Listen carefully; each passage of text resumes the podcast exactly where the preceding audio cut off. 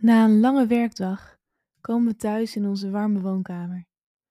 Met de kat op schoot kijken we naar de regendruppels die langs de ramen naar beneden rollen.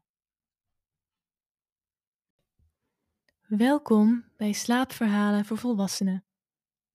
Een serie korte verhalen die je helpen om tot rust te komen en beter te slapen.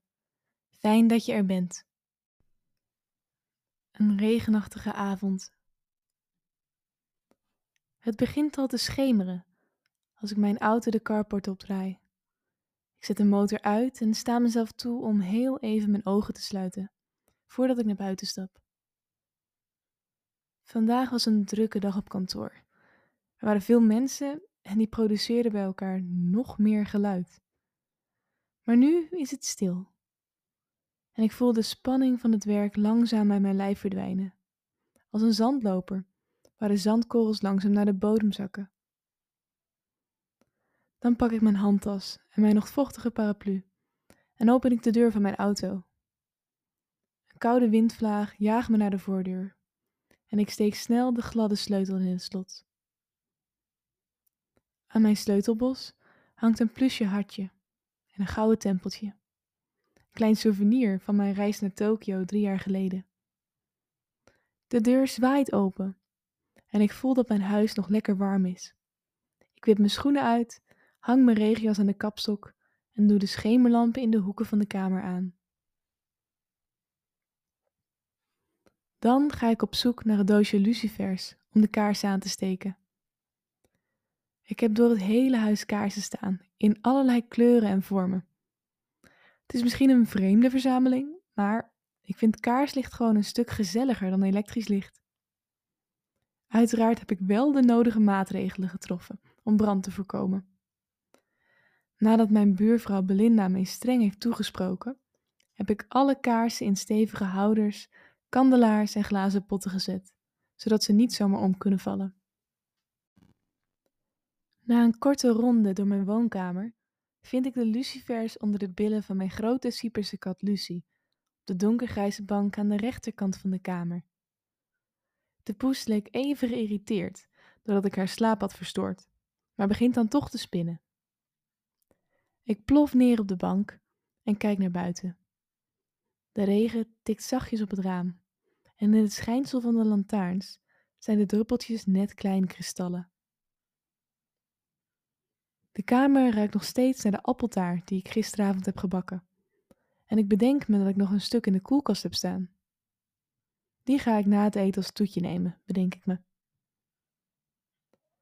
Lucie die kat is inmiddels zachtjes naar me toegeslopen en strijkt met haar kopje langs mijn hand. Ik glimlach en kriebel het beestje tussen en achter de oortjes. Het zorgt ervoor dat ze nog veel luider gaat spinnen. Met haar zachte pootjes stapt ze op mijn benen en nestelt ze zich op mijn schoot. Terwijl ik met mijn handen over de zachte vacht strijk, denk ik terug aan de tijd dat ze nog een kitten was. Toen ze een maand of drie was, zat ze ineens bij me voor de achterdeur te mouwen. De eerste keer heb ik haar een beetje kip gegeven, maar buiten gelaten. De tweede keer probeerde ze al naar binnen te glippen. En de derde keer sprong ze tussen mijn benen door de woonkamer in. Ik heb nog briefjes opgehangen aan lantaarnpalen in de buurt, maar niemand leek haar te missen. Ik besloot de kleine pluizige stuiterbal te houden, en ze leek zich toch al helemaal thuis te voelen.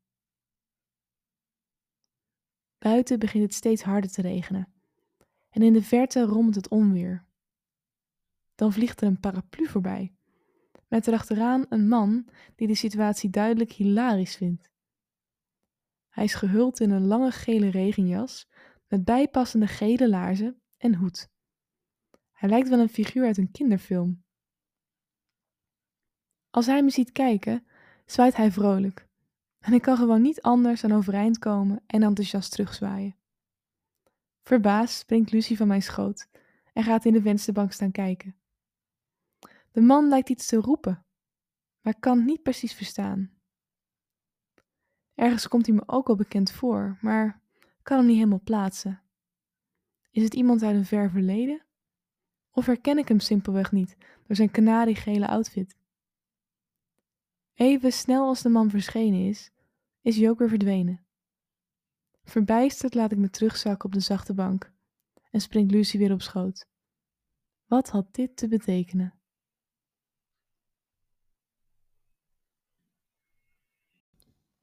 Dit was Slaapverhalen voor Volwassenen. Bedankt voor het luisteren en slaap lekker.